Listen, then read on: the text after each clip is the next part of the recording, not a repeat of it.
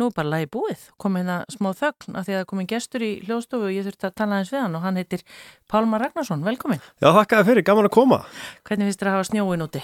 Fallegt. Það er ekki komið tíma á þetta. Já, það byrtir svolítið til. Já, það gerir það og, og fyrir fólki sem er skaman að skafa, Já. þá er þetta bara göðskjöf. en það eru sumir sem bara ekki snjó og er búin að rausa svolítið yfir þessu. Já, ef maður er ekki góðum skóm að vera með blöytar tær allan daginn Já. þannig að verið í góðum skóm Já. fólki sem eru að hlusta Já.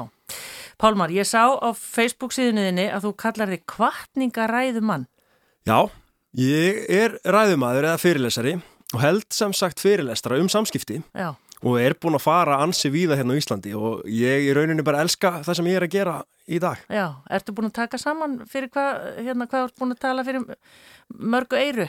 Já, reyndar, ég hef alltaf skráðið niður eftir ein, einasta fyrirlæstu sem ég held, það hef ég skráðið niður hva, hvað voru margir og hvað hann var og núna nýlega náði ég því uh, þeim áfanga að halda minn fyrirlæstur nummer 500, takk fyrir. Já, og hvað heldur meðal uh, fjöldin sé svona cirka? Sko, ég reiknaði það til að það, það voru tæplega 30.000 manns. Já. Þannig ég er alveg að nálgast 10% af þjóðinni Já.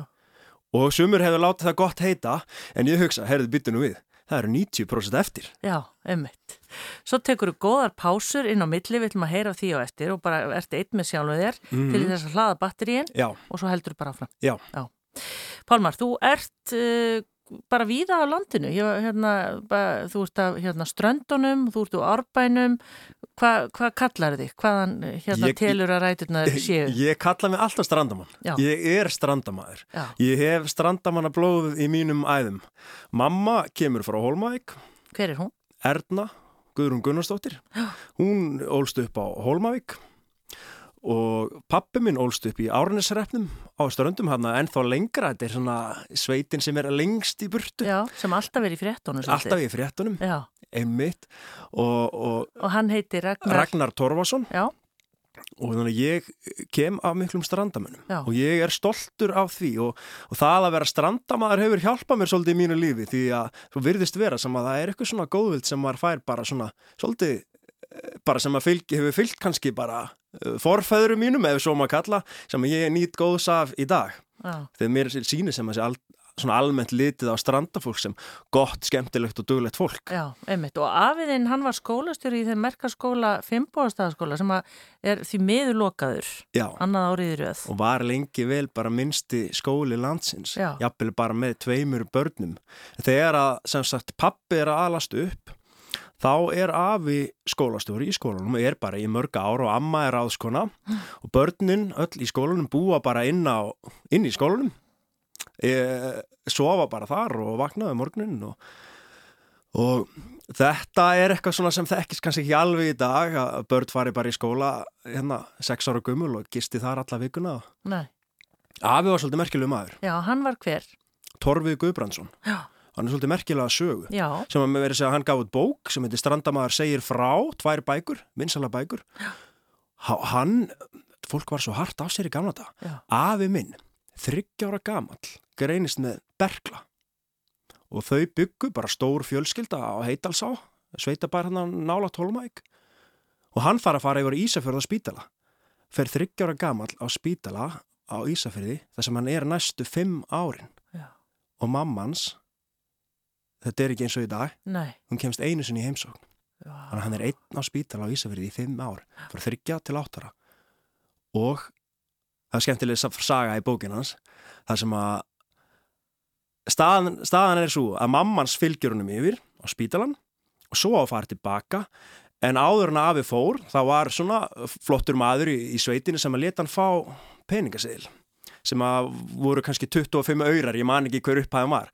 25 aurar að gjöf og svo er mamma sem fara tilbaka þegar búið hann fyrir á spítalanum en hefur ekki efni á að fara með það og þá heldur afi þarna á seglinum og þarf að afhenda mömmu sinni Já til að hún komist. En Afi skrifar svo skemmtilega í bókinu frá því, þetta var svo erfið ákverðin. Þegar ef að hann myndi bara sleppa því að láta mömmu sinna fá seðilinn, þá myndi hún vera áfram hjá hann á spítalunum. Já, einmitt, vá, hvað þetta er flott saga. Já, og svo er önnur svona skemmtileg saga, erfið en skemmtileg, að hérna, hann var með bergla og var, þurfti að liggja í rúmi, hann lápar upp í rúmi í fimm ár. En öll börnin á spítalunum voru alltaf út að leika sér. Og það sem að Ava fannst svo skemmtilegt, það sem að helt gleðin í Ava var að fylgjast með börnun og leika sér. Þannig að hann reisti sér alltaf svona upp og lág svona skakkur í rúminu til að geta séð út um gluggan börnin leika sér. Og það gaf honum gleðina. Já. þannig að honum fannst gaman að sjá hinn börnin hafa gaman. Já, nema að svo bara líður tíminn og hann er alltaf skakkur og er að gróa vittlust saman uh, uh, mjöðminn á honum. Þannig að lækninni bregðu þar áð að það þarf bara að binda niður. Af því að hann reysir sig alltaf upp hann hlustar ekki. Þannig að hann er sem sagt bara festur niður í rúmið og getur ekki hort á neitt nema loftið fyrir ofan sig. Þanga til hann segir svo skemmtilega frá að ein uh, hjúkurunakonan sem var í uppaldi hjá hann kemur til hans með speil setur speil svona ská í klukkan og þá kann hann fylst með börnunum leika sér í gegnum speilin og þá segir hann og þá var aftur gaman Já, vá.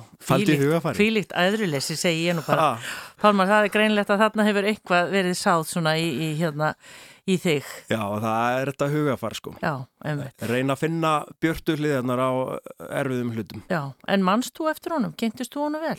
Já. Já, ég kynntist honum vel Já. þannig hann, það er ekki svo langt síðan hann fjall frá Nei. þannig að ég kynntist honum vel og, og við áttum góða tíma saman hann er alvarlegur maður og svona, Hann er búin að reyna sitt. já, og svona mikil svona mikil svona ættfæðir Já. svona eins og indjana höfðingi Já, já. Já, En Pálmar, hvað hérna, áttu ennþá svona eh, ættingja þarna á ströndunum eða ferðu þarna oft eða hvernig er það? já ég reyna að fara þarna ég fer þarna á hverju ári alla, allavegin á Holmæk og Dránsnes bróður hans pappa Óskar býr á Dránsnesi já, já, já. er í fiskvinnslinni þar og, og, og svo eru öll, eða mörg sískinina mömmu á Það- Amma bjó á já. uh, lengi vel, hún fjall því miður frá svona fyrir svona þreymur árum.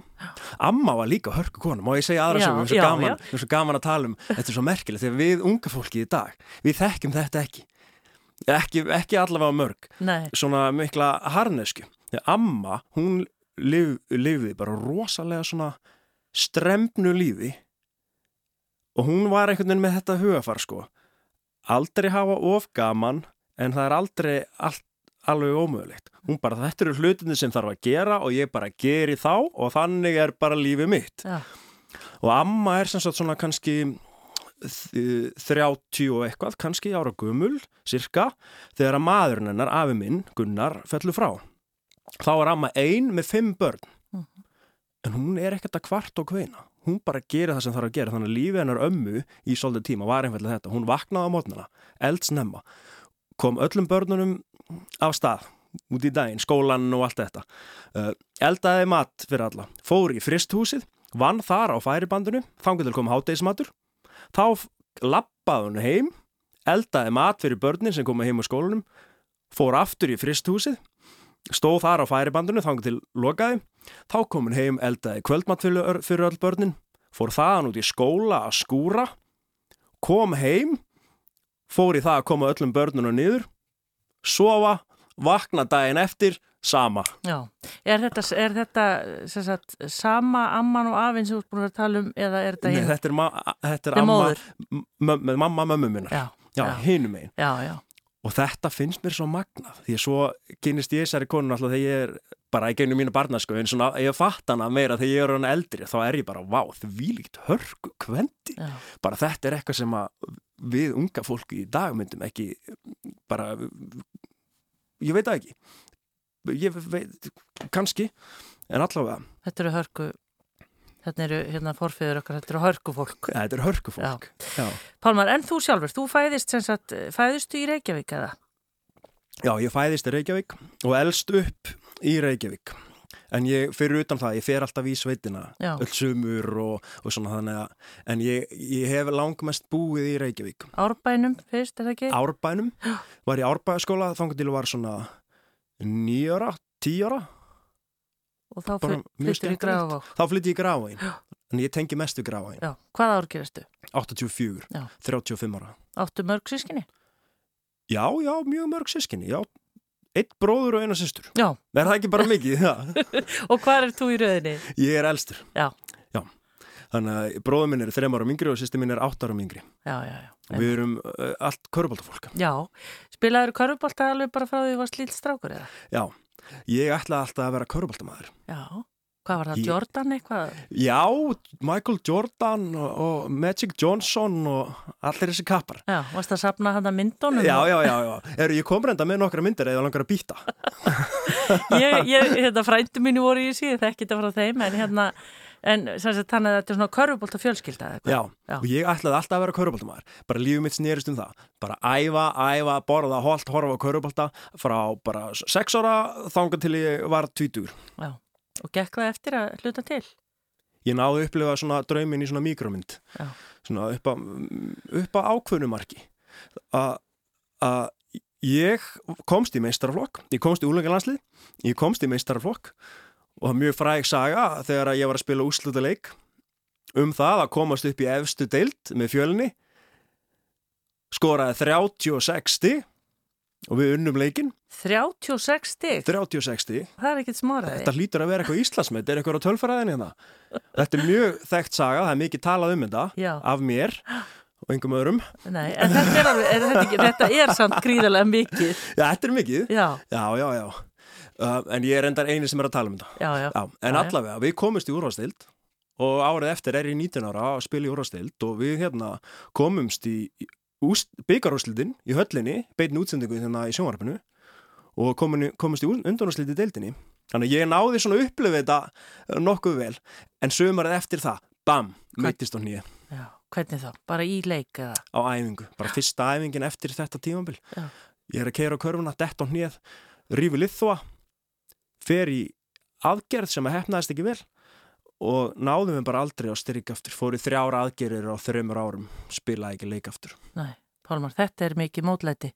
Mikið áfall fyrir dreng sem að hefur skilgrænt sig sem köruboltmann allt sitt líf. Já, Allt í unnur það tekið frá manni og hvað er maður þá? já, ummitt. Ef ég er ekki köruboltamaður, hvað er ég þá? Og hvað gerður þá? Herðu, Og hver varstu þá? einmitt. Sko, eftir á að hyggja, þá var þetta kannski, hvað segir maður þegar eitthvað he- hefnast illa en leiði til einhvers góðs? Að ég fer að þjálfa.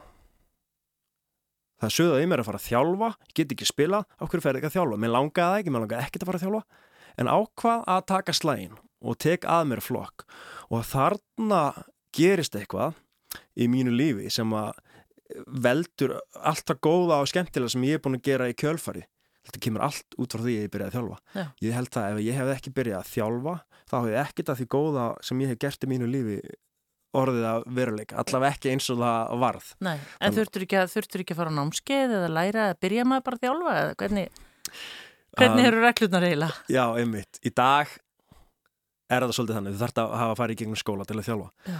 en þarna var það ekki þannig og pappi hafði verið þjálfari og pappi er svona ein minn helsta fyrirmynd í lífinu. Þannig að hann um, ég hef svona bara hort upp til pappa allt mitt líf þannig að ég fór bara inn í þetta, ég ætla að gera þetta eins og pappi myndi gera þetta. Mm. Og þjálfaði hann líka körubólta? þjálfaði já, mikið að hann hefði þjálfað mikið að landslýsmönnum til dæmis, þegar þeir voru litlir. Já, hörður og haugur og ægir og þessir körbólta kappar ef þið þekkið á pappi þjálfaði þá alla þegar þeir voru svona 8 ára og 9 ára og 10 ára. Já. Já. En fannstu það bara strax Pálmar á, á, á svona, hvað ég var að segja, fyrstu æfingunni sem að þú leittir, já, heyrðu, ég er hérna, ég er komin heim bara. það var svolítið þannig. Því ég sagði við stjórn fjölnis nei ég ætla ekki að þjálfa. Þau bara, en það vantar þjálfar á æfinguna eftir. Getur þú please tekið bara hana? Ég bara ok ég skal taka bara þessa æfingu en ekki meira. Svo mæti ég á þessa fyrstu æfingu.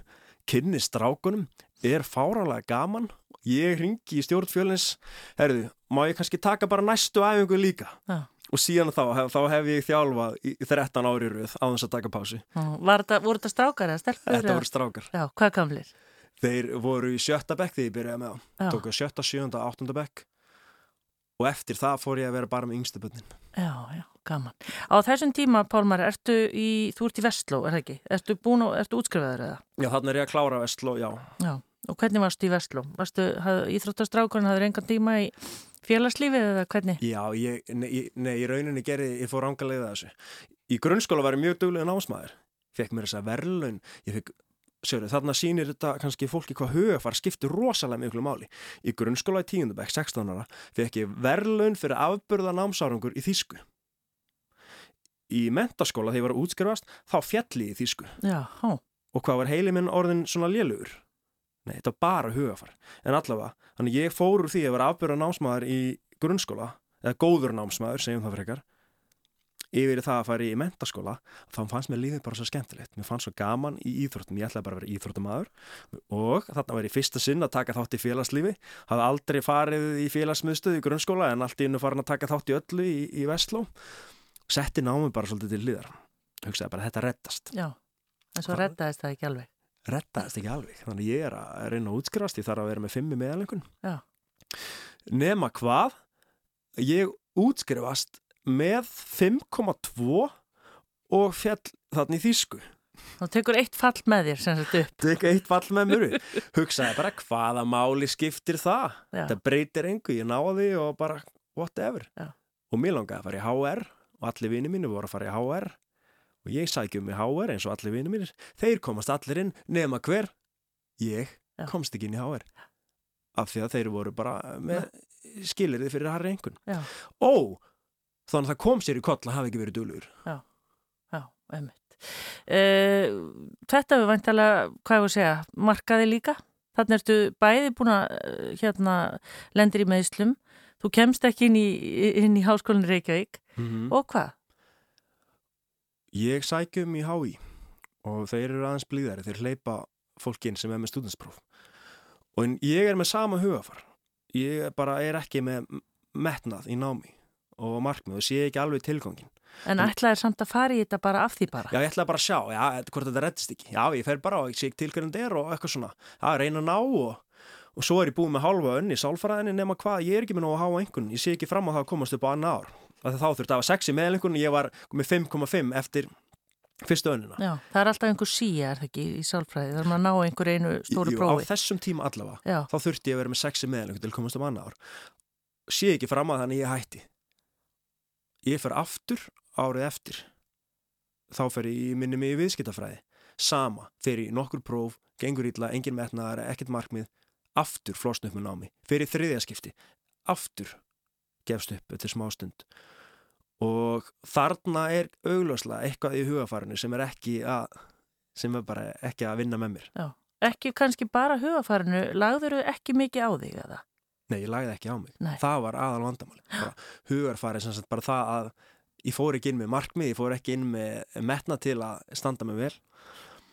Og þetta var bara svona ef ég hugsa um hennar tíma, þetta var svona erfiðu tími mínu lífi. Af því að þarna var búið að taka, eða ég missa körfuboltan frá mér. Var alveg týndur í, í námi. Um, ég vissi ekkert hvað ég vildi gera eða hvert ég stemdi. Nefn að það var gaman að þjálfa? Já. Ég var alltaf að þjálfa á þessum tíma, hafði gaman að því og ég hafði gaman, ég var að skrifa sögur á netið sem að sló í gegn, skemmtilega sögur Já. og var með vinsala svona síðu. Já, var það svona blogg? Já, svona blogg. Já, já. Tókst það einu svona að vera mín síða pálmar.liti.is vinsalli en fm957.is Góðan já. daginn, eina vikuna á teljari.is Já, það er nokkuð gott. Já. En samt einhver, einhver óruleiki í þér og einhver svona kannski, hvað ég að segja, stefnuleysi? mikið stefnuleysi og var, þetta var bara hugafar sem var ekki til fyrirmyndar það var ekki fyrir en ég, ég ákvaði að gera eina tilröndi viðbútt en ég var bara komið algjört ógið á því hvernig ég haf búin að vera að standa mig og ég myndi bara Pálmar, ekki gleyma því þú varst í grunnskóla, þá varstu góðun ásmaður og ég var duglur og svona dugnar og skipulag kemur rosalega mikið frá mömmu minni duglega og skipil og ég var bara, hvað er þetta hjá mér? Já. Þannig ég ákvaða að gera eina tjölurinu viðbútt en ég ætlaði ekki að fara í sama far. Ég hugsaði, ég ætla að fara inn í háskólan, ég ætla að standa mig vel og ég hugsaði, ég ætla ekki bara eitthvað að reyna að ná. Það er ekki búið að virka markmið reyna að ná. Ég setti mig bara markmið, ég var svolítið klikkaður eftir þess að sögu þannig að ég setti mig nýtt markmið. Ég ætla að fara í sálfræði á háskólanum, það eru 350 manns að byrja með mér á sama tíma. Ég ætla að dugsa eftir þrjú ár þá ætla ég að dugsa og ég ætla ekki bara að hugsa, ég ætla að segja öllum sem ég hitti frá því.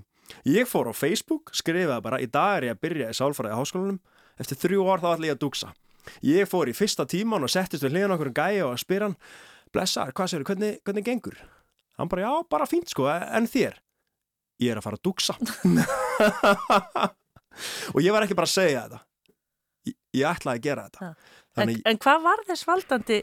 Ég meina hvernig fær maður svona einhvern veginn orku til þess að snúa huganum svona við? Ég, ég veit að ég get ekki útskýrta það. Bara Nei. kom yfir bara algjört bara svona ógeð á hvernig ég hafði verið að standa mig. Þetta, bara, þetta er ekki ég. Þetta er ekki ég að vera að gera hlutinu svona ítla nú fer ég að gera þetta eins og ég veit að ég get gert þetta. Var eitthvað svona í mér bara ég veit að ég get þetta. Uh mhm. -huh.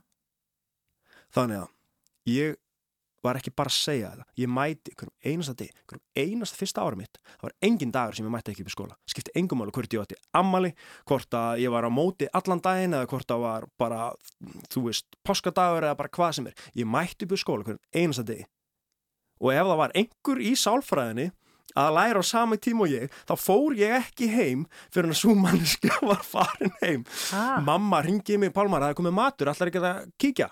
Bara mamma, ég get ekki komið. Af hverju ekki? Af því að það er strákur hérna á næsta borði sem er líkið sálfaran, ég fer ekki heim fyrir hann er farin heim. Nei Þetta er svona kaurubólta hugafar, þessi bestu í kaurubóltanum, það er bestu, það eru hugsastundu svona. En, þetta, en, en Pálmar, sko, mér finnst persónulega, er þetta ekki aðeins oflangt gengið? Kanski, Já. jú, örglega, en þetta samt fyrir mig gerði þetta eitthvað. Ég var bara hann á hann keppnismar, hann bara, og ég þarf að keppi einhverju, í staðan fyrir að vera að keppa í kaurubólta, þá er ég svolítið búin að taka það yfir í námið. Já. Og ég, ég veit ekki hvort ég geti útskýrt þetta einhvern veginn öðris, mér, og það er svo eðlilegt í kaurubólta já, keppa, reyna að vinna, vinna, vinna, ég ætla að vera íslasmeistir, ég ætla að vera bestur í körupólta, það er ósað eðlilegt. Er enginn í námi bara, já, ég ætla að vera bestur í námi, það er enginn þannig. En sumt fólk kannski hugsa þannig, er enginn að segja. Þarna var ég að leika mér svolítið eins og í körfunni að fara upp á fólki bara, já, hvernig gekkir í próni? Já, ég ætla að vera þú. en, en, og reyndist þetta, kom það á daginn? Varstu hest, ah. hestur eða efstur? Svo er ég svona döglegur þrjú ár í rauð, svo komaðu útskrift, ég fer upp á skrifstu og spyr Ég er enn búin að vera að keppa staðið í þrjú ár að reyna að dugsa. Ertu til að segja mér hvort ég hafi dugsað eða ekki? Hún fer að skoða listan og tilkynni mér það. Hvað heldur þú? Heldur ég hafi dugsað? Já, ég heldur að dugsað. Nei, ég dugsaði ekki. ég dugsaði ekki ert. En... Hvar varst í rauðinni? Ég var samt þriði hæstur. Já. Fór úr því að vera með 5 og koma eitthvað í meðalengun yfir það að vera með 8,2 sem er bara mjög há engun í sálfræðinni. Ja. Þannig að eingöngu hugafar og dugnaður tók mig úr því að vera í þessu, þessu, þessu malli sem ég var í yfir í það að standa mig vel. Já. En ég menna að þú veist, þá myndu kannski einhver sem er að hlusta að hugsa, gerðan eitthvað annað? Jú, þú varst að þjálfa, en hvað, áttur þér eitthvað líf? Þú varst alltaf Nei. í skólan og hann gotið síðasti maður og þann heim og, og glemdir að borða hjá mömmu og allt þetta. Hvernig var þetta eiginlega? Nei, ég fórnaði bara miklu á þessum tíma. Já það var bara þannig hm. ég bara, vinið mín er vissi til dæmis að því ég er ekkert að fara eitthvað að fara í bíu hérna, alltaf eitthvað en ég tók alveg svona þátt svona öðru kvoru ég er ekki að segja að ég hef mætt klón nýju morgun og farið heim klón 11 kvöldin alltaf en þetta var svona gegnum gangandi mætti, Engar vísindaferðir og svona? Ég varði reyndar formaði nefndafélagsins síðust árið já, já. þannig að þá varði ég að Þara. þá varði ég að mæta já. Jæja, Pálmar, við verum að halda áfram. Þú útskrifast með þriðju hæstu einhvern úr sálfræði og hvað langaði það að gera við sálfræðina? Sástu fyrir því að þú sætir á stofu í kvítum leðustól og einhver lægi á hérna bekka þér? Já, ég var svona að hugsi, hvað er að gera við þetta? En sálfræði nýtist það svo margan átt, það er svo gott ef maður þekkir aðeins inn á fólk og maður getur nýtt á svo mörgum sviðum, þannig ég var svona á ég að fara í vískitafræði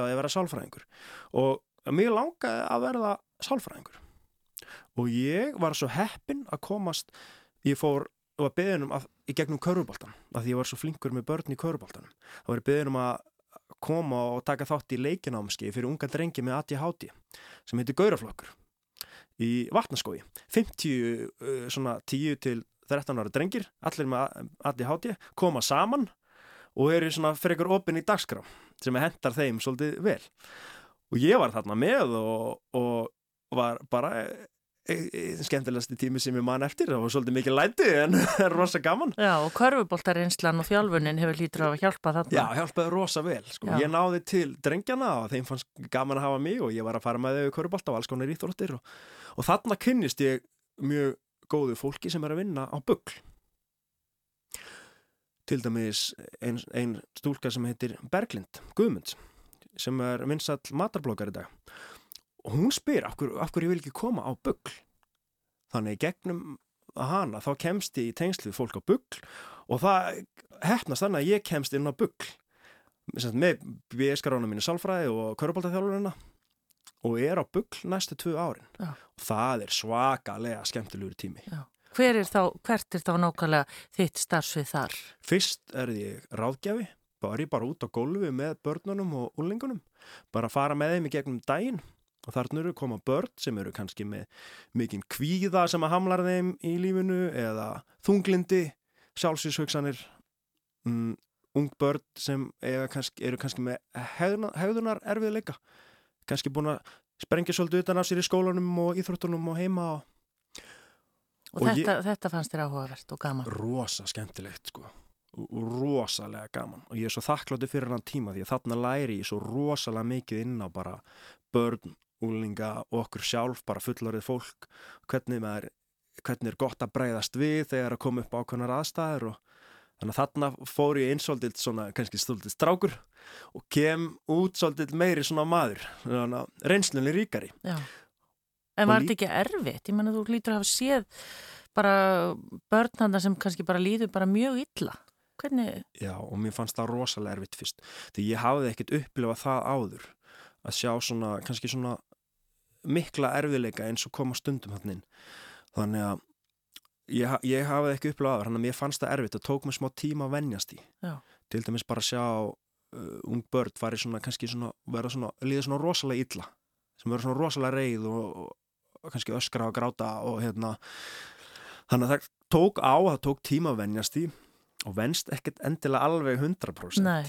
en á sama tíma sko, ég hugsaði svolítið um þetta þetta er að gerast í þjóðfélaginu og áður bara sá ég það ekki, núna sé ég það og það að ég sé það veist, ég ætla ekki að láta það láta mig líða eitthvað rosalega illa þó ég sjáu það, það þetta er, þetta er í gangi mm. alltaf mm.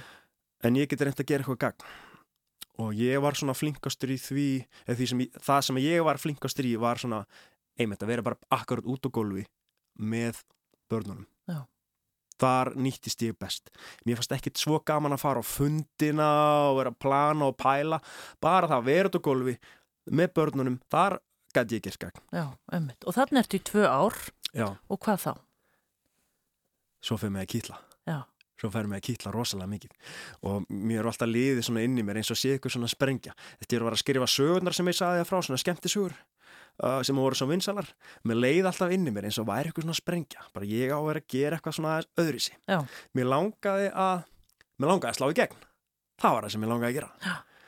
og mér fannst svona leiðilegt að ég var ekki að gera neitt þannig það var svona farið frá mér Já, en þú varst að slá í gegn bæði vinnunni og sem tjálfari, eða hvað?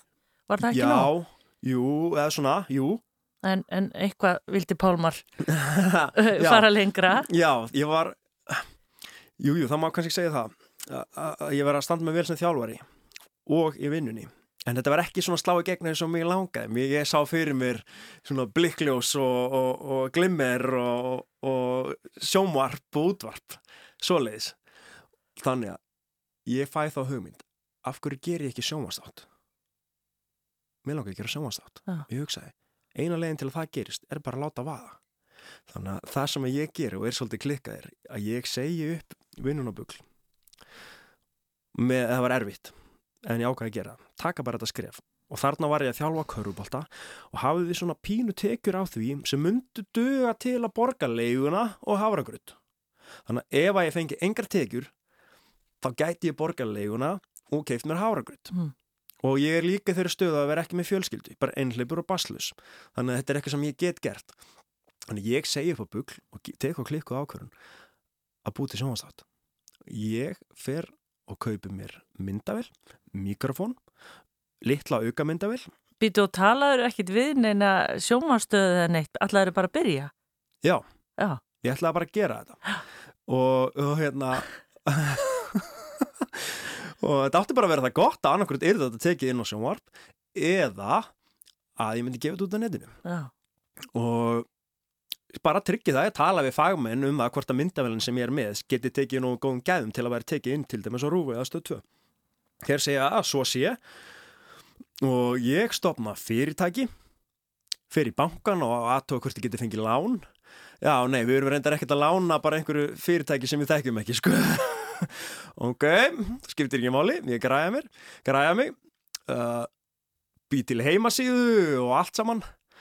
Nema hvað, svo líður heitlu vetur. Og þetta gengur ekki að vel og ég held ég næ ekki að búa til sjónvastátt En átti, átti þessi sjónvastáttur að ganga út á hvað áttur að ganga út á?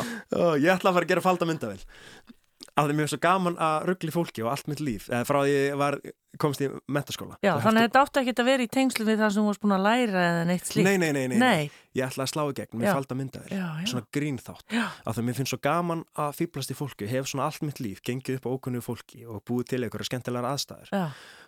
og þetta fólki finnst gaman að horfa á þetta þú veist þarna hefur 70 mínúti verið auðum blöndar og verið að gera svakalega hluti og fólk elskar þetta. Mm. og ég útlenskir þættir mér langar bara að búið til heilan svona þátt, bara íslenska þátt og ég er mjög góður í þessu.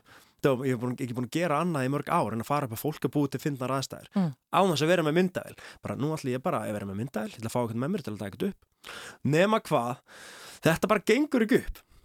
Við förum út með myndavel og bara við náum ekki, það er ekkert finnum ekkert fólk og þetta er bara eitthvað svona wow, ég hlæða þessum Þannig að Þannig að játaði þig sigraðan bara. Ég, ég gafst ekkert alveg upp, ég var allan veturinn eitthvað svona alltaf svona núna bráðum en svo bara eftir það er eitthvað svona búin að gangi ítlið þeirra á fjóra mánu og þú ert að vakna og þú ert farin að leifa að sofa aðeins lengur og vakna aðeins setna og allar að fara að byrja, að best að fara fyrst í ræktina ferði í ræktina, kemur heim klukkunórun, æ, það er bara tveir tímar í æfingu, þá vil ég fara að þjálfa. Æ, tegur ekki, kemur heim um kvöldið.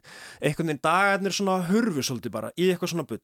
Þannig að ég fór úr að vera mjög stórhuga yfir í það að dagarnir fóru svolítið að hverfa. Ja. og það var bara mér ofið ég hugsaði, eftir, núna eftir að hugsaði ég hefði þurft að vera með mér, í, með mér í liði. Þetta, ég var ekki að fara að gera þetta nei, nei. þurft að hafa einhvern annarkort, já, áhuga saman með mér sem var, ég var ekki með neitt all, all, allir vini mínu sem ég ætla að hóta að hjálpa mér voru bara sjálfur að vinna og gátt ekkert að koma og ég hefði þurft að vera með rúf stöð 2, eitthvað mm. með mér Þannig að þetta bara floppaði?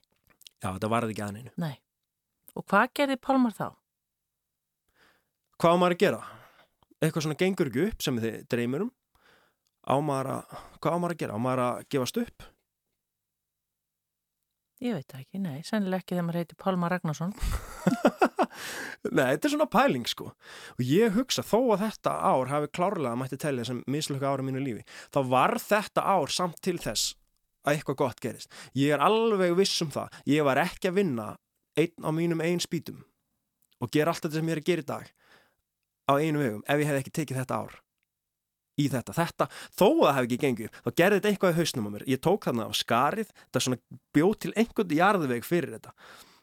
Og þarna átti ég myndavel og ég átti mikrofón og ég var að þjálfa krakki körupálta mm. þannig ég tók hana bara upp á gamani til að gera vídeo fyrir pizzakvöld mæti með myndavel og æfingu og fyrir að taka viðtöl við krakkana sem ég þjálfa spurja krakkana, bera eitthvað spurninga. Sínið þetta myndband á pizzakvöldi. Svo fæ ég svona atvinnumenn, bandariska atvinnumenn til að koma í heimsókn og að spurja krakkan út í það hvort það sé ekki spendir og allt þetta. Nema hvað, að þetta myndband verður svo skemmtilegt. Ég setja á YouTube og YouTube fær þetta myndband bara nokkur þúsund áhorf. Hm, herru, þetta er svolítið skemmtilegt. Svo fyrir að tala við krakkana kannski um holt mataræði og eitthvað svona. Býti myndband, setja á netið. Hm, fekk svolítið áhorfum. Þarna hugsaði, herru, af hverju ég er hann að búið til eitthvað þátt um af hverju ég er hann að búið til þátt um falda myndavil Já. eitthvað svona grín eitthvað. Af hverju ger ég eitthvað sem, sem skiptir máli? Nú er ég flinkur með börn ég er íþróttaþjálfari, ég er góð fyrirmynd. Af hverju ger ég ekki þátt um íþróttir barna og úlninga þetta vantar á Íslandi. Það er engin þáttur um íþróttir barna og úlninga á Íslandi núna finnst mér ég búin að vera að sína það ég er búin að vera að gera eitthvað svona bara djók-vídeó bara einn haldatna myndavelni og klippa bara heima á mér hérna eitthvað fyrir pizzavislu og fólk er að horfa á það þannig ég fæ þá hugmynd að búi til annan þátt. Og ég fæ kynni hugmyndana fyrir stelpu Gerita Möld Samúlsdóttir sem var með skólarhesti og búin að vera að slá í gegn og hún verður rosalega spennt að vera með í þessu. Ég fer á ISI og þau eru rosalega spennt. Íþróttatháttur um íþróttin barn og úlninga með skemmtilegur þáttur um að góðan bóðskap uh -huh. wow, geggja, þau eru með UMFI, þau eru með kemhinga og rúf kynni hugmyndina með Gretu og Rúf eru rosa spennt. Og eru bara þannig eins og þau ætla bara að slá til. Og ég er svo spenntur. Hann er bara, hér, draumurum minni núna rætast. Ég er að fara að vera með sjónastátt og Rúf en svo aðeins síðar þá klikkar eitthvað á miðri leið. Já, já, já. Og þetta er náttúrulega svolítið erfitt að koma í gegn og þetta getur strandað á mörgum hlutum til dæmis bara fjármagni þannig að það er spurning að það hafi kannski ekki bara strandað á fjármagni Já, já. þannig að þegar allir voru rosa spendir en þá strandaði þetta samt á fjármagni en ég er samt ennþá með þann draum að búa til þennan þátt já. Hvaða ár var þetta? þetta hefur kannski verið fyrir svona fimm árum en svo gerir samt skemmtilegt kjölfarið af því að hann Hilmar sem er hérna að stýra íþróttamálum hérna á Rúf Já, Hilmar Björnsson. Já, hann sem sagt er samt spenntur yfir þessu hugmynd. Og það er verið að gera íþróttaþátt sem heitir Íþróttalífið, Etta Sif. Og hann býður mér að vera með í þeim þætti og vera þar með innslag um íþrótti barna inn í þessum þætti. Þannig að þetta er ekki alveg eins og þátturinn sem ég sá fyrir mig sem var svona stundin okkar íþrótti barna. En fæ þetta frábæra tækifæri að vera með í þætti á rúf þannig ég og Edda gerum þannig þátt og ég er að taka viðtölu börn og ólinga um, íþrótti barna inn í þættinum fáralega skemmtilegt og geggja tækifæri fyrir mig þannig að þarna fer eitthvað af stað Mm. Og aftur gerist það að mótlætið einhvern veginn en það skilur eitthvað eftir sig. Það kemur eitthvað út úr þessu. Já, þannig að árið sem fór þannig bull varð til þess að þetta gerðist. Já. Þannig að maður má ekki alltaf, það mun alltaf eitthvað gangi illa og klikka. Maður má ekki láta það slása út af læginu þannig að maður er bara, hvað var ég að spá, ég hefði aldrei átt, umulegt. Já. Nei. Pálmar Ragnarsson er gestur minn í sunnundasögum, við ætlum að fá nokkra auðlýsingar og halda svo áfram uh, og heyra einhvern veginn hvernig uh, og hvað hann er statur í dag og hvað hann er að fást, fást við í dag. Rás. Þú ert að hlusta á sunnudagsögur á Rás 2. Held ég nú, Pálmar Ragnarsson sem að, já, sagði henni upp að við kvartningaræðumadur, hann er gestur minn hérna. Pálmar, þetta er svo stór og mikil saga, við verum að halda vel á spöðunum. Þátturum var síndur á rúf, þar að segja að þú varst með innslögin í þessum þætti um uh, íþróttir batna og úlinga uh, og síðan líkur því og þá einhvern veginn hugsaðu hva, hvað á ég nú að gera. Hvað næst? Já, hvað næst? Og þarna er ég að skrá í mig ná. Mér langar að, ég hætti við að vera sálfræðingur og mér langar að fara í viðskiptafræði. Þannig ég skrá mig í meistarnámi í viðskiptafræði og er að þjálfa sama tíma og nema hvað að ISI er að halda ráðstefnu um íþróttir barna og úlinga og byggði mig um að halda eina ræðu af því að þegar ég var að kynna fyrir mig hugmyndun og segja um hvað ég var að gera með börnun og æfingum fannst þeim það svo spennandi. Getur þú sagt það sem þú ert að gera með börnun og æfingum á, á, þess, á þess, þessari ráðstefnu? Getur þú sagt frá því? Þannig ég mæti þarna svolítið kaldur á baku eirun og held minn fyrsta fyrirlestur. Og þannig fer þetta fyrirlestra æfintýri Af stað. af stað. Já. Já. Og aftur, Pálmar, einhvern veginn, reynslaðín og það sem þú ert búin að fást við nánast allt lífið, þar ertu bestur og það skila þér einhvern veginn á þennan stað sem þú ert í dag. Ég held það, af því það sem ég er að tala með fyrirlesturunum er eitthvað sem ég hef lifað. Þetta er eitthvað sem ég hef gert, það getur engin annan flutt akkord minn fyrirlestur, af því ég er ekki að lesa kenningar eða segja frá einhverju sem eitthvað annað fólk hefur fundið út. Ég er bara að segja frá því sem að ég hef lifað með börnunum mínum á æfingum, sem eru örgulega komin vel yfir þúsund börn.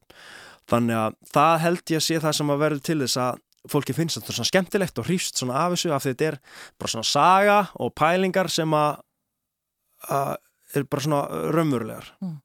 Og sástu þarna fyrir þér að þú geti bara starfa við þetta, að halda fyrirlestra um bara jákvæð samskipti? Nei, nei, nei, nei, nei, nei, nei, nei. Ég ætlaði náttúrulega að halda góðan fyrirlestur. En ég sá aldrei fyrir mér að ég var að fara að gera eitthvað aftur. Nei. En mér langaði bara að halda góðan fyrirlestur og skilja eitthvað eftir mig. Nema að fólki í salnum sem voru stjórnum fólki öðrum íþróttafélum og þjálfarar höfðu sambandi við mig í kjölfara og vildu fá mig til að halda fyrirlestur fyrir sitt íþróttafélag. Þannig fór svona 30-40 sinnum á milli íþróttafélaga og var helt sama fyrirlesturinn. En getur þú gefa okkur við sem ekki hefum séð fyrirlesturinn?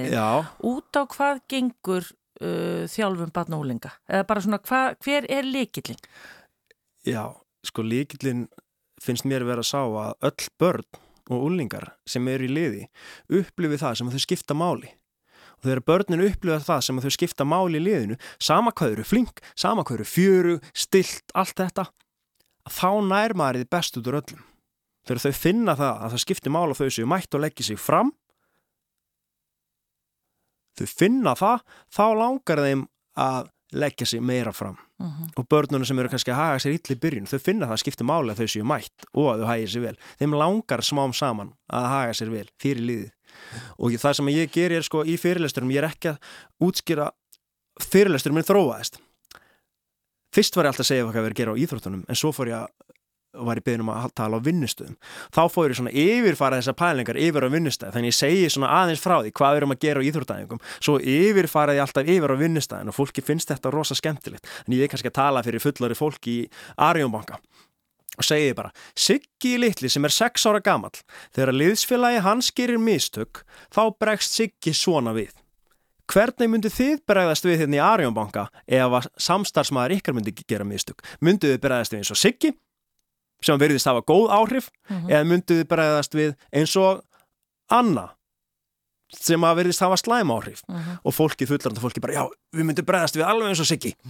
Þannig, þannig ert að segja Pálmar að það gilda sömu lögmál, hvort við erum lítilega stór? Gilda sömu lögmál, þetta er eiginlega magna það er bara, það er eins og verði bara engin, það voða lítil breyting á.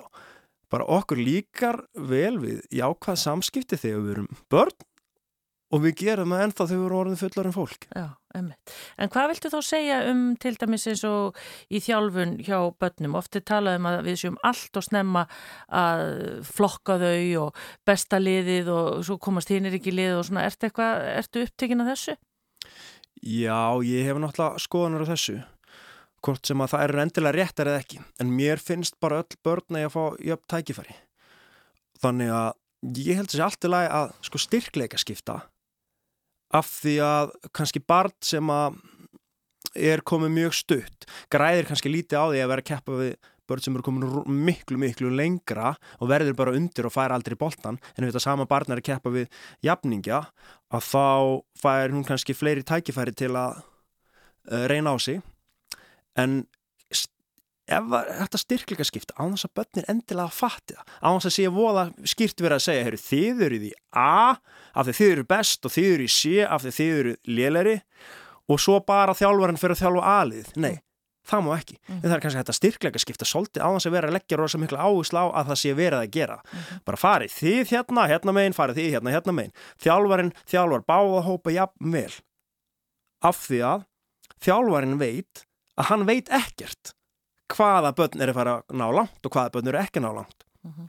og svo er annað þessu sem ég hugsa sér svo mikilvægt sem að kannski sömur þjálfarar eða ég vil taka það fram þjálfarar í Íslandur eru svakalega hæfur og góðir og mjög góða pælingar en kannski sumt fólk uh, klikkar aðeins á þessu þegar börnur róðin úlingar ekki setja úlinga út í hopn og lefa ekki vera með og láta þeim líða að það skipti ekki máli þannig að þeir hætta því að börn sem að fara í gegnum starfið eru bara svo mikilvægt því að paldi hvað er gegja ef við erum með 20 manna hóp sem er komin kannski í átjónara lið sem er kannski síðasti aldurinn, loka aldurinn eða er hægt að láta öllum þessum átjónstelpum líðan sem það skipta máli í hópnum þánga til að klára og þá er bara meistarflokkur að hætta því að hvað gerist, segjum sem svo að þeir líður öllum vel þeim finnst öllum gaman það var allar að taka þátt svo er komið þessi aldurstakmar þeir eru að hætta. Þá er kannski þrjár þeirra að fara í meistarflokk uh mhm. -huh. hvað eru hínar 17 að fara að gera? Þá eru konar 17 stelpur sem að líkar vel við félagi, þykir væntum félagi það er kannski mæt og leiki og hvetja það er kannski hjálpa til við að ræða upp skiltum. Og einhver fyrir kannski stjórn. Það er hægt að skapa svo svakalega umgjörð og stemmingu ef að það er náð svona mörgum börnum úlingum upp. Já, en er þetta ekki nákvæmlega þetta sem gerist? Að börn og úlingar, eða þess að þau verða úlingar þá bara hættaðu, missa áhugan, þannig að það þarf kannski ennþá meira einhvern veginn að gera til að halda þeim við efnið. Hvert Já. svo sem það á að leiða þau? Einmitt, þannig að ég myndi halda, ef það væri svona, fólk væri svona samtækið með það, við, við viljum ekki missa eitt einasta barn úling út úr íþróttinni, við viljum halda þeim inni og með því að láta þeim líða þess að skiptum alveg sama hvað eru flink. Og þannig mynda svo skemmtileg umgjörði í kringum íþróttufélagin það sem kannski búin að koma inn heil hrúa fólki sem langar að taka þátt og það er móti á litlum börnum og langar að mæta og hjálpa af þeim. Því þið hugsa svo fallum um félagi en á sama tíma er þetta klúður svo algjörlega með því að setja bara úlningan út í hopn og svo bara hættir þessi í nógumbur og þessi í apríl og þessi í mæ og þannig eru bara átta úlningar farnir sem að já, það var komið ítla fram með mig, mér er alveg sama, ég er bara farin að gera mitt núna. Já. Pálmar, ég var svolítið lengi að fá þið til að koma af því það er svo mikið að gera hjá þér. Þú ert bara, ég menna, hvernig er vikan eiginlega? Ertu bara með, ertu bara með eitt stórt dagatal og bara hérna á ferð og flugi? Guðminn almáttu. Og svo þarf þetta að kvíla, við ætlum aðeins að tala um það líka, ferð einn í ferðalag. Já, lífið mitt er ásaldum hárhraða og eins og ég segi, ég geti þetta af því að ég er einn og ég er barslus ég geti þetta ekki, ég ímynda mér að þetta vera erfiðir, því þið þurftu að gera þetta öðruðsi ef ég ætti börn. Um, ég er alla dag að halda fyrirlestra. Það mætti segja það, stundum þrjá fjóra á dag. Og þjálfa? Þjálfa, reyndar bara tvísar viku núna millir fjóra og sex af því ég er bara með yngstu börnin sem æfa svo sjaldan núna. Já. þannig ég er með fyrirlestra ég er að þjálfa að ég er mikið að fara í viðtöl og eitthvað svona, svona fólk sem vil heyra og spjalla og, og, og svo er ég að skrifa bók. Já, um þína sögu eða? Nei, ég er að skrifa bók um samskipti. Já, já. Alls konar svona skemmtilegar pælingar í sams, sambandi við samskipti, bara samskipti okkar á milli, bara samskipti tveggja einstaklinga á heimilinu eða við vini, samskipti í hópum, samskipti við ókunna. Þannig ég er Þannig að ef ég er ekki að halda fyrirlestur, þá er ég upp á bókasafni að skrifa. Já, ömmið. Pálmar, ég sá uh, einhvað við talviði eða hvort það var eitthvað starf á Facebook eða eitthvað að þú fóst þess að einn í ferðalag, í langt í burtistan, fóst bara eitthvað, hvernig dettir þið að fara einn? sko, ég hafa aldrei gert það, ég hef sannst gert það tvísvar núna. Málið var bara, ég var eftir fyrsta veiturum minn þar sem ég var í fyrirlesturum. Þetta var svakalegt álag ég var að halda fyrirlestra alltaf daga og stundum mest fimmisunum á dag og ég var bara að verða svolítið bugaður. Og ég var ekki orðin van, ég, nú er ég orðin vanu þetta er miklu auðveldari fyrir mig núna. Þarna var ég það ekki. Það kom bara að því, ég var bara, ég get ekki meir. Ég þarf að fara. Og ég hugsaði, hvað ég ger í sumar? Nú er ég bara vinna á sjálfum mér, það er enginn sem vil fyrirlestur sumrin og ég þarf að taka mig frí. Körfuboltin er eitthvað sumrin. Á ég að fara að fá mér í vinnu? Hm. eða á ég bara að fara út og ég tók bara þá ákvörun ég ætla bara að fara út. Þannig ég keipti mig flugmiða til Mexiko bara aðra leiðina. Uh, gerðist mér mjög stuttum fyrir var, ég var ekkert búin að skoða hvað værið er hvernig værið er, hvað tungumáli talaði er neitt. Bara, Akkur í Mexiko? Bara... Þetta er nánast hann að ég hef lokað augunum og sett putta niður á kort sko. algjörlega handháskjönd mér fannst bara nafnið hljóma spennandi. Já. og eitthvað við þetta var bara spennandi. Ég sama dag og ég flýg út bóka ég fyrstu þrjár nætunum mínar á hosteli og það er eina planið mitt. Þrjár nætur og þessu hosteli sama dag og ég flýg út. Þannig ég fer algjörlega grætna bakveðurinn út til Mexiko einn. Er þar næstu tvo mánuðina og á þarna skemmtilegasta tíma lífsminns hm.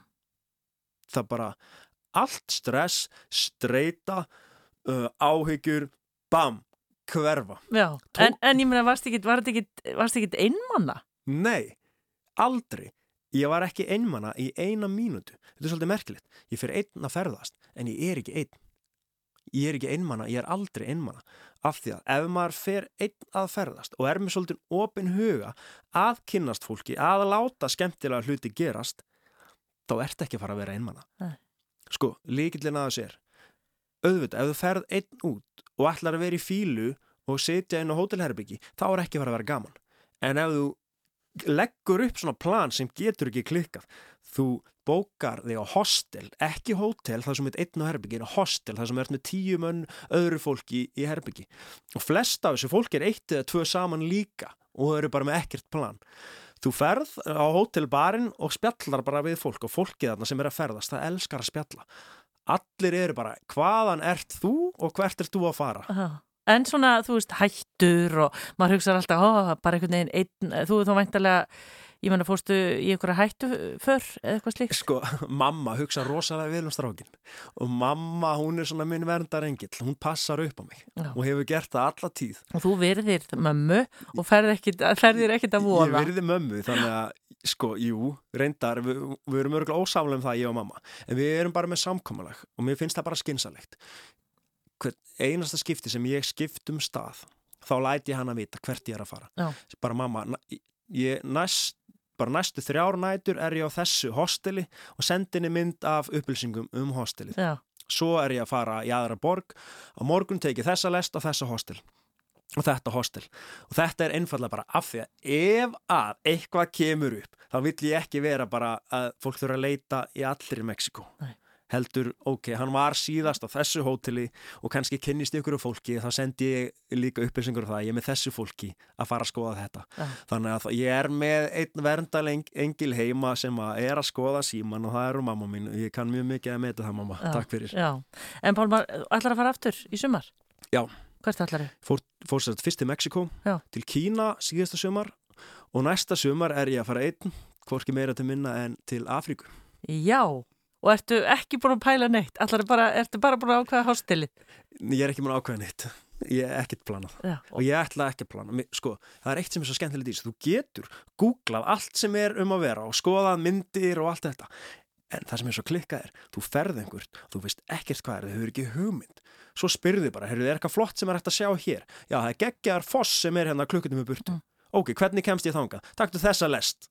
Ég mæti, veit ekkert hvað er ég að fara, fara að sjá og bara bam, magnað maður verður svo hissa og þetta verður svo fyrir mig er það skemmtilegra en að vera búin að googla nákvæmlega myndir já, ég, hann lítur svona út og hann er svona hár og nei, mm. láta hlutin að komast þér óvart. En Afrika stór ertu ekki eins og búin að ákvæða til hvaða lands í Afriku? Ég er ekki búin að negla en mér langar rosa mikið, mér finnst það gaman að það er eitthvað svona framandi, svona bara því meira öðrisi en Ísland því skemmtilegra. Ja.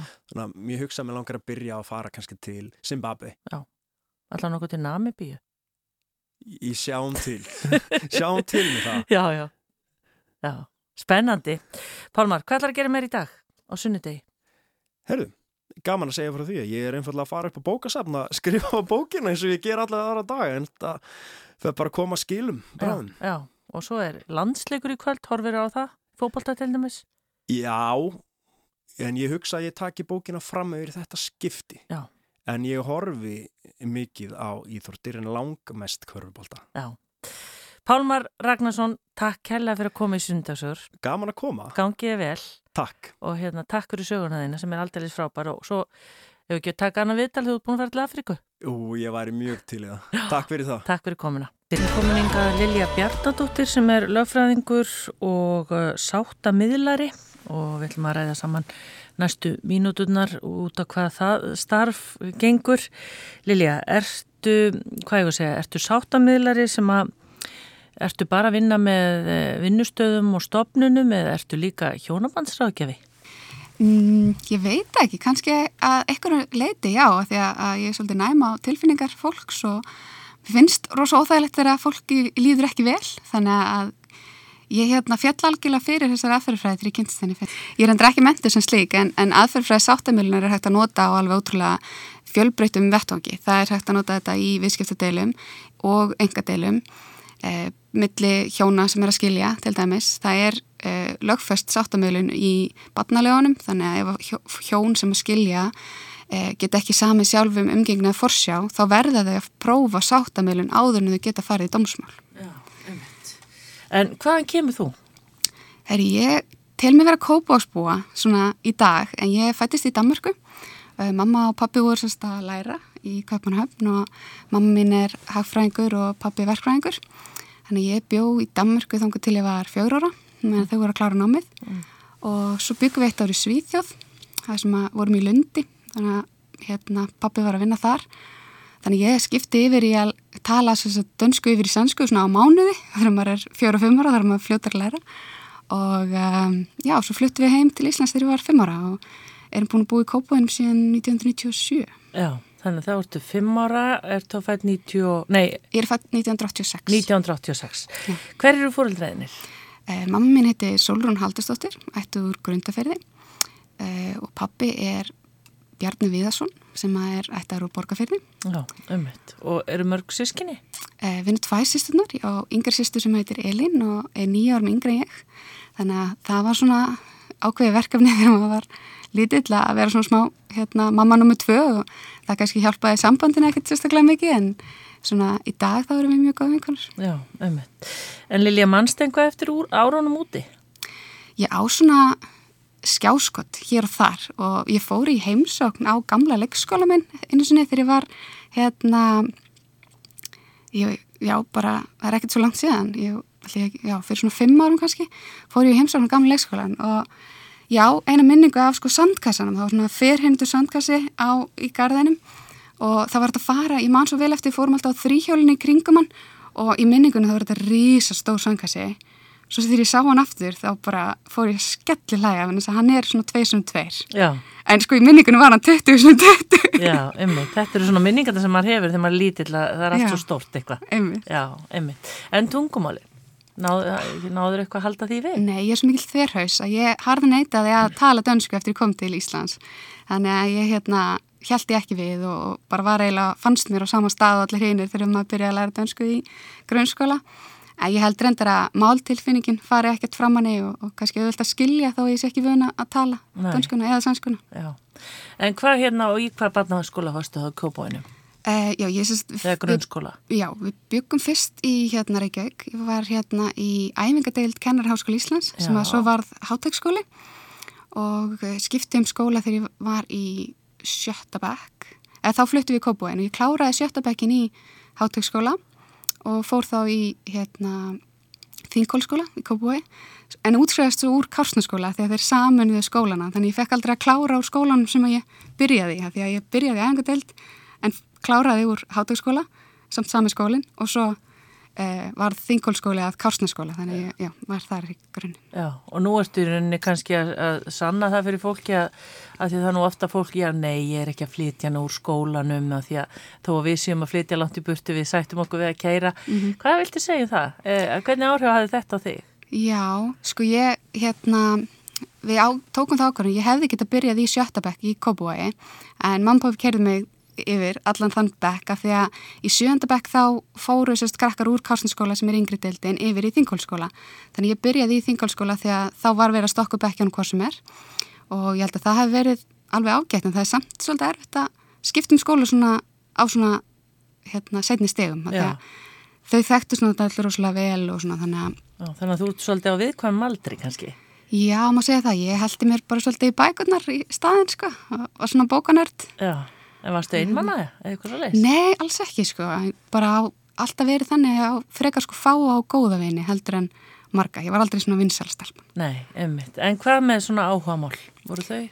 Eh, mikið, mikið lestur og góða myndir, mér finnst alveg ótrúlega gaman að lesa og upp á síðkasti þá hef ég mjög mikið verið að hella mér í hljóðbækur. Mér finnst alveg æðislegt að hlusta á góða hljóðbók menn ég er að gera eitthvað annað. Já. eins og bara vasku upp eða brjóta saman þótt eitthvað svo leiðis Einmitt, Ég ætlaði einmitt að spyrja hvenar, hvenar þú hlusta er þannig að þú ert að nýta tíman að gera eitthvað annað með það Já, bara þú veist, þegar maður er að gera sér til á mótnana mér finnst þú að gaman að vera lengi á mótnana. Og hérna, þá nýti ég tíman oft í að hlusta á eitthvað skemmtilegt eða læra eitthvað nýtt. Já, já. En þegar, á þessum aldri þegar þú ert að lesa svona, eru, af því það var einhver að segja við mig að það hérna hafa aldrei komið út eh, jafn margar barna og lingabækur eins og núna mm -hmm. var nóg úr all? Já, helling sko ég var með bókasafskort og fór bara á bókasafnið alveg mjög reglulega ég las til dæmis eh, Lord of the Rings bækurnar, lungaðarna voru gerað myndir þannig að mér fannst ég vera svona hardcore fan þegar þær komu þegar ég var búin að lesa bækurnar já. og hérna bara, já, mikið að lesa æmþæri bækur og já, svona þessar klassísku úlingasögur og alls konar. Já, og svo náttúrulega Harry Potter alveg slegið gegn Lilju. Það var ekki, það er ennþá upp á allt. Frábært. Hvað hérna, hvert lág svo leiðin? Þú náttúrulega var í mentó eða hvað? Já, ég fór í eh, Verslanskóla Íslands og ég man svo eftir þegar ég var í tíundabekku, ég var ekki alveg búin ákveð hvert ég ætlaði að fara, þá var einn kennari minn sem að notaði líkingu sem ég hef aldrei glimt þegar hann saði þetta. Hann saði Lilja, það er gaman að fara á góðum jeppa upp á fjall og ég var sérst í eppina því ég var góður námsmaður og þá átti ég ekki velja í lettasta skólan Já. hann vildi sérst ég færi MR, hann var sjálfur MR-ingur en ég fór í Vestló, mamma mín var líka í Vestló og ég kannski svona leitaði hennar fótspór þar. Og um, já, ég var líka nörd í Vestló útskast með 9,4 í meðlengun wow. á stúdsprúi Já, en, en og, varstu hérna, þá samt bara ekki, tókst ekki þátt í félagslífinu? Jú, það var umhlað æðislegt félagslífi í Vestló, þú veist, það voru hérna allir þessi böll og það var alltaf ná að gera, alla leiksýningarnar og bara rosa skemmtilegu tími. Já, en þú, en þú svona þið langaði að fá góðar einhvernur, þú lagði því fram. Já, ég, ég held að ég sé svona þessi fullkomna sinni sem er í bata, ég er að reyna að vennja mig af því að maður þurfu ekki að vera ja, fullkomna og maður heldur að maður þurfu að vera og já, ég er svona séðan núna hvað ég var rosalega mikið að reyna að gera allt rétt Já, en varstu þú aldrei stressuð eða eitthvað nefn fyrir próf, andvaka á nóttunni eða hvernig? Nei, ég hef bara alltaf hatt öðvöld með námið Já. og prófin og bara, jú, ég menna, ég var stressuð að standa með eins velu í gat en stressið mitt var kannski fæði 9,5 eða 10 Já. en ekki er ég að fara að ná prófinu, þannig að, að það var svo sem, þú veist, prófið er eitthvað sem ég bara kunni að gera, gerði vel, þannig að það var ekki stressið, stressið var kannski, er ég hæst eða, þú veist, Já, já. bara svona metnaður í þér mjög mikill já, um. en hvað hérna, hva, á hvaða sviði er svona, hva, varstu, ertu jafnvíð á öll fög eða hvernig? Já, ég er svona veikar í tungumólum, ég er sterkar í því sem var bara hægt að læra eins og starfræði, galt að tíu starfræði af því að ég gæti bara lært reglunar, það var það bara þannig. Það var það æði, það var svo mikil staðfesta og vissa á bakveða á meðan að, þú veist, það er alveg saman hvað lærir tungumál lengi, það er eitthvað neginn, þú veist, aldrei búin þannig að það var svona ég var kannski bara svolítið pákökur, lærið bara svolítið þannig. En, lá, en svo hefur leiðin ekki endilega leiðið í svona raungreinar? Nei, reyndar ekki. Ég hérna, fór ekki verkræðina eins og pabbi, að, hérna, þó að það hefði kannski alveg leiðið vel við mér líka, en mér langaði svona að vera meira að vinna með fólki og ég fór í lögfræðina líka í mitt að því að mér langaði að fara í eitthvað sem væri metnaðfullt og skemmtilegt, en líka bara, því ég var ekki alveg nákvæða hvað ég ætlaði að verða þegar ég er stór, þannig að einhvern veginn maður gæti verið forstjóri fyrirtækis eða í alls konar mismunandi stjættum að þú varst með löffræðmentin og það var svona það sem að ég sannfæri sjálf um að ég ætlaði að gera þegar ég skráði mig í löffræði og bjóð mig alveg undir að það er bara ógislega þurft og ótrúlega erfitt og, og eitthvað neginn. Og svo fór ég í HR og byrjaði að læra löffræði og fannst það bara óvart alveg rosa gaman. Þannig að mér leytist ekkert að læra löffræðina. Nei. Um, og helstu áfram svona sömu sama metnaðinum? Já, ég var, ég var á fórstilstanum um, alveg fjóri sunnum held ég þarna fyrstu árin. Það er sérst uh, niðurfælt skóligild fyrir þá sem eru efstir. Já, hérna, hérna Já, alveg fyrstu tvö ári mín í HR, þá var ég á þeim lista. Og þá svona dætti ég eiginlega smá, ég held að það hefði verið bara pínu börnátt þegar ég horfið tilbaka. Ég er ekki þess Því ég var alltaf að reyna fyrir sókislega fullkomin.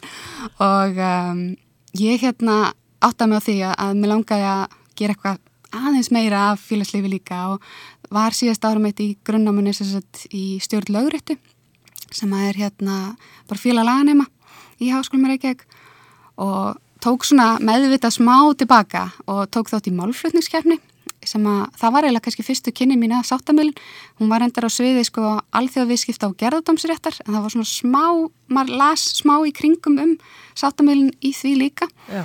og já, svo tók ég mestranamið og var svolítið að horfa á, þá til dæmis læri ég fyrst samningatekni, fannst það alveg ótrúlega spennandi, þannig að ég svona, já, tók meðvita ákvörnum að taka náminu kannski ekki alveg eins álálega og ég hefði verið að gera og nautast þá líka aðeins betur á móti. Já, einmitt. Og voru það þá bara svona einhverjur auka kursar eða voru það æfingar eða voru það, hvernig, hvernig meinar þau að fara svona út úr náminu að gera þetta? Málföndskeppnin var sérst bara kurs í náminu um, á þriði árinu mínu og þar erum við að taka þátt í keppni þannig við skilum inn greinagerðum um svona, það er bara búið til mál þar sem við erum að, að raukstiðja og uh, maður liðið okkar vorum fimm saman og við hérna sérst, tökum skriflega hlutan og, og raukstuðjum þá fyrst aðra hliðina og svo fáum við uh, upplýsningar til þess að raukstuðja hína hliðina. Og síðan er hérna keft í rauninni hvernig, hversu vel það er flutt. Já. þannig að það voru æfingar þar sem við vorum að flytja þetta, þetta var alltaf á ennsku og svo fórum við út til Vínaborgar og vorum að keppa þar í hérna Vína, þetta heitir sérst internal, þetta heit Vismút og ég mann ekki alveg bara mér til skammar allan titilin á, á kefninu. Ég er ekki vissum að gardarkennari minn væri sammála, ég ætti að muna þetta. Nei. En hérna þannig að þarna hefur svona kannski farið svolítið út fyrir þægindaringin og þurfa að koma fram og svona, hvernig? Já, þetta var mjög góð þjálfin í því að, já, tala fyrir fram að fólk og flytja mála á ennsku þó þetta sé allt bara svona tilbúið og þá er maður samt að, að hérna, koma fram með ákveðnum hætti og rosalega góð þjálfin í því og vorum... Eh, tókum nokkur svona æfingakeppnir áður við fórum til Vínar, fórum til Þískaland og, og þetta var svaka ferðalega og svo gaman að fá tækifæri til að taka þátt í þessu öllu. Yeah. og uh, bara, en það, það var svo fyndið að þetta var sérst, ígildi sko eins fags og maður í fjórum öðrum. Það fór samt meiri tími í þessa keppni heldur en öll einn fjögur til samans þetta árið. Já, en þetta er eins og segi gríðalegu skóli. Já, Já.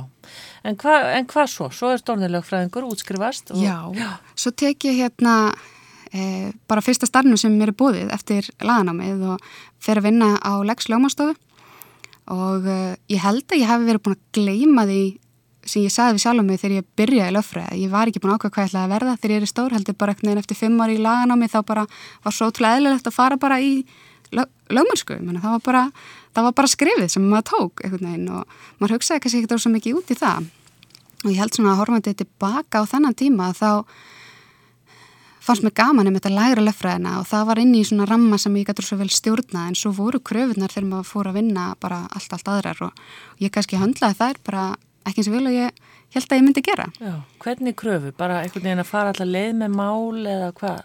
Nei, kannski bara, þú veist, að vinna hlutina hratt. Ég var svo stíf í fullkonarártum minni, ég var kannski lengi að skila með verkefnum eða alls konar en, en hérna, því var svo mikið að reyna að gera allt rétt og gera rosa vel. Já og uh, svo fannst mér líka bara sitja illa í mér að vera raukstiðja eitthvað mál þar sem að þú vart að reyna að mála þetta svart og hvít og þinn síkjálfstæðingur er engilinn og hinn er djöfullinn.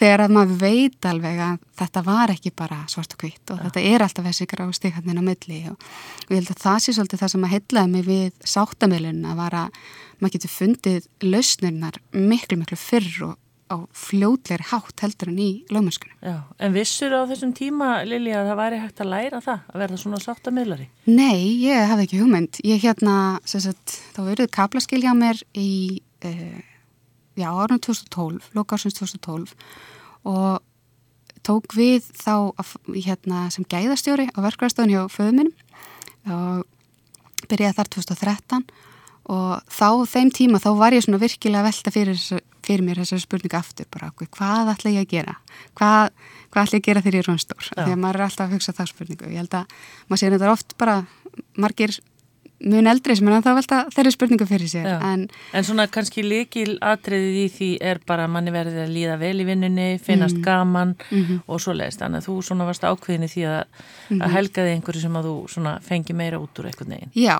og ég hérna lausni mín við, við þeirri spurningu var raunni að fara bara aftur í nám að að það er það sem að námsmaðurinn ég geri og uh, ég fyrir að skoða skóla í bandaríkunum og það var samningateknin sem að kýtlaði mig svona rosalega mikið. Mér langaði að eftir að hafa lært samningarétt og lesið alla alla þessa dóma þar sem að það var bara ekki tekið á atriðum sem þurfti að taka á í samningum og fólk var að miskilja og ég held bara það lítur að vera að semja betur til að koma við fyrir þetta. Og það var svona viðhverju sem ég fór með út í námið og fann þess námi í eh, University of Missouri í bandaríkanum þetta er hérna lítill háskólabær sem heitir Columbia sem er bara í miðjunni á Missouri sem er algjört flyover state og það er ekkert andan nefnum háskólinn. Og um, Þeir eru með frábært program í sagt, Dispute Resolution sem að ég bara þýtt sem lust deilumála þar sem þeir kenna samningatekni og svo sáttamöðlun, gerðardómsrétt og þannig ég fór í rauninu uppröðinlega í námi til að læra samningatekna en svo var það sáttamöðlun sem að alveg bara heitlaði mig upp sko. Mm. Og, og, og bara, sagt, þú flytur út, hvaða ári er það þá? 2000... 2014. Já, Já við, það tók alveg umsóknarferðlið í að fara í skóla úti er eiginlega bara alveg heilt ár. Já og það, þannig að 2013 þá var ég svona svolítið bara undurbúa það og, og innleiti eitt stykki gæðakerfi og verkvæðastofu meðan og það var líka mikil skóli að prófa að vinna í hans öðru sjöngveri og svo er ég hann hérna í náminu og aftur alveg finn bara hvað mér finnst gaman að vera í námsumkvörinni og að læra meira. Og líka bara algjörst frelsi, ég var ekki að vinna neitt með skólanum og þetta var bara ótrúlega skemmtilegu tími. Og bara mjög indalt fólk líka. Komir óvart bara hvað allir voru tilbúinur að hjálpa, ég var til dæmis ekki með bíla á þessum tíma og ég var að æfa á crossfit stöð og æfingafélagarnir voru bara farinir að bjóðast til þess að sækja mig til þess að taka mig með á æfingar og bara mm. ótrúlega mikið gert fyrir náungan, fannst mér, Já. hjá þessu fólki. Og er þetta alþjóðlegu skóli eða er það margir? Mm, það voru, það er þetta program sem ég fór í var uh, eh, 50% nefnda voru uh, ekki fyrir bandaríkanum og svo voru alveg svona helmingunum sem var þaðan. Já, ömmit. Kærstu minn á þenn tíma, maðurinn minn Kristján, hann kom með mér, hann var hérna í svona svolítið sveginlegu starfi þá, þannig að hann var með mér úti, fórum saman út og var hjá mér alveg í tvo mánuði, svo fór hann heima að vinna og ég hérna er úti þá í einhverjar, já, tvo mánuði viðbót og svo kem ég heim um jólinn í jólafrí og svo fyrir við aftur út saman í næstu tvo mánuði þannig að þetta var svona kannski helmingunum tímanum sem ég var bara einn úti en, en hinn helmingin var ég með Kristján með mér. Já, en er námið, er þetta ein önn? Þetta er eitt ár, eitt ár. Að, já, það voru tvær annir. Já, einmitt. Og hvað svo? Hæri, svo kom ég heim og var náttúrulega bara að leita mér að starfi eftir námið og sá alveg útrúlega marga ólíka möguleika í því að e, nýta þessa sáttamölina þegar, þegar maður er búin að sökka sér onni eitthvað, þá þetta er svona þegar maður er nýbúin að læra nýtt hugtak þá sér maður það út um allt. Og þetta var svo skýrt af um það ég var að hérna, sækjum bara alls konar störf og mest kannski einan lagfræðinar og síðan er bara ekkert í bóði hérna í byrjun sömars 2015 og ég er svona en þá veltaði fyrir mér hvað hérna mér langar að gera. Og fyrir örlaður í kann göngutúr með mömmu eh, eitt sömarkvöldi í júli þar sem að við erum svona að tala um möguleika og ég opnur að sækjum fullt og það var svona kannski lítið að gerast og íslenska samfélagi feil líka bara svolítið í sumafri það er svolítið erfitt að vera að fá okkur svör svona frá fyrirtækjum, kannski akkurat á þeim tíma. Og hún spyr mig, en Lilja, hvað langar það að gera? Og fyrsta sem kom upp þá var bara, þetta langar mér bara að vinna við það sem ég var að læra, þetta er bara algjör snild og og þá skautum tilbaka, já en okkur stopnar það ekki bara fyrirtæki? og það var úr. Það var bara að fara því að hugsa upp nöfn þarna í þessum göngutúr sko. Og það var eitthvað bara rétt og bara strax tilfinningin þegar ég heyrði þessa hugmynd frá mömmu var bara já, ég ætla að gera þetta. Já og það er náttúrulega, þú leitar auðvitað ekkert langt yfir, yfir hérna skamt með nafnið á fyrirtækinu. Mm, Sáttaleiðin, það var ég, hérna, e, það er til annað fyrirtæki sem heitir Sáttamiðlun EHF, hann Hafstedt Gunnar Hafstensson hefur verið að rekka það. En hérna það var ekki laust, það lén sko, ég tjekkaði fyrst á því þá fórum við, heldum við að fórum að brainstorma og, og sáttaleiðin var svona þetta ákalli í að sko það er þetta að fara miklu betri leiðir heldur en domstólilegina og, og með lögfræði bakgrunni þá var það kannski oft samaburðurinn sem að e, kom upp í hausin en ég held að þetta er náttúrulega hægt að nota þetta á svo ótrúlega viðtækum vettvangi, ekki bara fyrir e, fyrirtæki, heldur líka bara einstaklinga og og ekkit alltaf bara í málum sem eiga heima í, eða færi annars í fyrir dóm heldur bara fullt fullt af samskiptaðurleikum sem eru aldrei þess eðlis að þeir væru eitthvað að fara fyrir domstóla Nei, sem já. er hægt að leysa í sáttamæl En hverjir leita þá til þín? Hva, hva? Sko það er unni allir þeir sem að velja fara svona mikri og betri leiði að leysa ágrænsmáli eða deilumál geta leita til sáttalegarinnar Ég hef svona markasett fyrirtæki mest til annara fyrirtækja það sem ég er að hjálpa til við viðskiptadeilur eða vinnustæðamál ákveðingur inn á vinnustæði hefur kannski verið svona algengasta efni þar. Og síðan er aðstöðu ég líka mikið bara við samningagerð til þess að hjálpa til við að skýra upp þannig að það verði kannski ekki ákveðingur setna meir í hérna, samningum. Að síðan teki ég líka að með mál þar sem að einstaklinga leita til mín og það getur verið annarkvæmst skilnaðamál eða erðatelur, nákvæmnadelur og það er alveg ótrúlega viðtek og ég tekki möguleikar Treði í gardinu til dæmis og svona. Emmitt, svo mynd, vá, ég var allan tím það er eiginlega búið eðalegi fyrir manni sagt, að horfa á svona deilumyndir, venna sem maður er allan tím bara, ó, það hefði verið að leysa þetta, okkur talaði fólki ekki saman. Sko, ég segi alltaf að besta forverðnin í ágrængsmálum eru bætt samskipti. Þannig að við hlúum að samskiptunum og, og munum eftir því að, að sína ólíkum skoðunum og gildum virðingu, þá erum við komin alveg langleðina og ég held að mistökin sem að ég bara, ég lærði að ég hafi verið að gera og ég er ennþá að sta, standa með því að, að gera þessi mistök, er að hugsa að allir hugsa eins og ég. Að því við erum eitthvað alltaf að dæma aðra út frá okkar eigin raunveruleika en ekki setja okkur endilega í spór þess sem að er að hegða sér. Og það er til bara setja kenning um þetta sem að heitir Attribution Theory sem ég náttúrulega ekki alveg með gott íslenskt orði yfir. Nei. Og hérna... En hún gengur út á? Hún gengur út á það þegar ég er að útskýra mína eigin hegðun.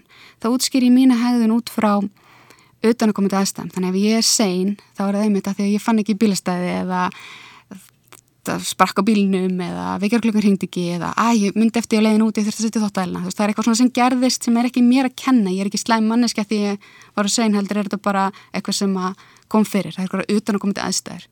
En hins vegar ef ég er að vinna með einhverjum sem er oft setn þá er ég miklu likleri til þess að dæma hann út frá persónaengjunum hans. Þannig mm. ég set stimpilin á hann, hann er óskipilaður eða hann er letingi. Mm.